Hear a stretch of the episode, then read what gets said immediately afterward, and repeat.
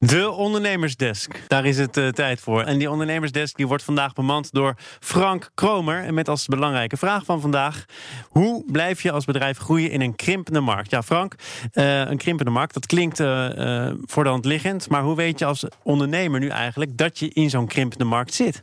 Ja, dat is natuurlijk wel een uh, goede vraag, Thomas. Want uh, vaak heb je dat gewoon niet door. je kan bijvoorbeeld kijken naar je omzet en denk je... Hm, misschien stagneert het dit jaar een beetje of loopt een beetje terug. Maar ja, dan weet je natuurlijk nog niet of je echt in een krimpende markt zit.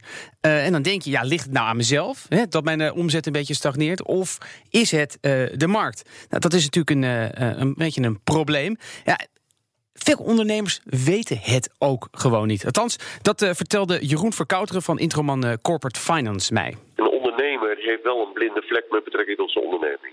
Die denkt toch vaak, ja, mijn onderneming de, is, is toch wel de beste van de, van de markt. Of is wel de benchmark. Dus die kan heel moeilijk reflecteren naar van waar staat mijn onderneming en wat heeft mijn onderneming nodig. Dus ik merk wel dat ondernemers daar vaak toch iets te laat achter komen. En dan denken van ja, maar we hebben, ik heb een sterke marktpositie of ik heb een niche-markt. Maar uiteindelijk is nog maar de vraag of die niche-markt ook echt niche is.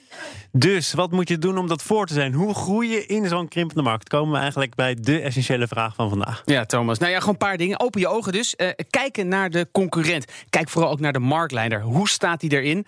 Uh, en daarnaast kan het natuurlijk ook zijn dat er bijvoorbeeld technologische ontwikkelingen zijn die ervoor zorgen dat ja, de hele markt omver wordt geblazen. Klassieke voorbeeld natuurlijk BlackBerry, Nokia. Kodak. Uh, Kodak ook Niet natuurlijk. Vergeten. Nee, dus um, je moet eigenlijk uh, verder kijken dan je neus lang is, althans uh, Jeroen Verkouteren. Bij veel bedrijven is het daar dan kiezen voor om diversificatie te doen.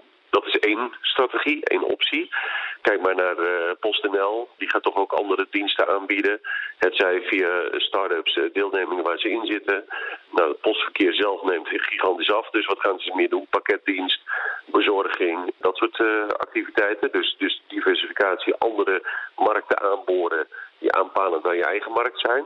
Ja, dat klinkt natuurlijk heel makkelijk. Hè? Even andere markten aanboren. Doen we dagelijks toch? Ik bedoel, dat is voor zoveel bedrijven echt heel lastig. Kost tijd, kost focus.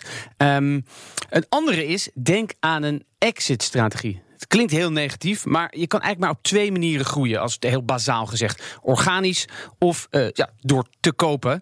Uh, en in een krimpende markt blijft eigenlijk maar één optie over. Nee, maar wacht heel even, want we hadden het over de vraag: hoe blijf je groeien in zo'n krimpende markt? Dat is toch niet door weg te gaan? Ja, dat is dus eigenlijk wel door weg te gaan. okay. Dus door of een partnership aan te gaan, uh, of door te kopen, of door te verkopen. Oké, gaan we nog een keer proberen met een quote. Kijk, organisch groeien in een krimpende markt, dat is, dat is gewoon een heel lastig verhaal. Want dat betekent gewoon sowieso dat je de markt verslaat. Nou, uh, dat kan natuurlijk, maar dat kan je ook niet jaar op jaar doen. Uh, dat betekent dus dat er eigenlijk maar één optie overblijft en dat is consolideren. Dus groeien de overnames. Ja, nou de telecommarkt hebben we natuurlijk de laatste jaren veel gezien. Overname van Tele2 bijvoorbeeld. En je zei, je maakt natuurlijk een beetje een grapje. Maar het is wel eigenlijk zo, je kan kopen of verkopen. En uh, als je nummer 1 bent, is het uh, wat makkelijker om te kopen... dan als je bijvoorbeeld uh, nummer 4, 5 of 6 bent. Ja, dan word je gekocht. Dan dat word is je eten gekocht. of gegeten worden. En in een krimpende markt is groeien heel lastig. Dus je kan partnerships aangaan. Het zijn natuurlijk een, eigenlijk een beetje verkapte fusies.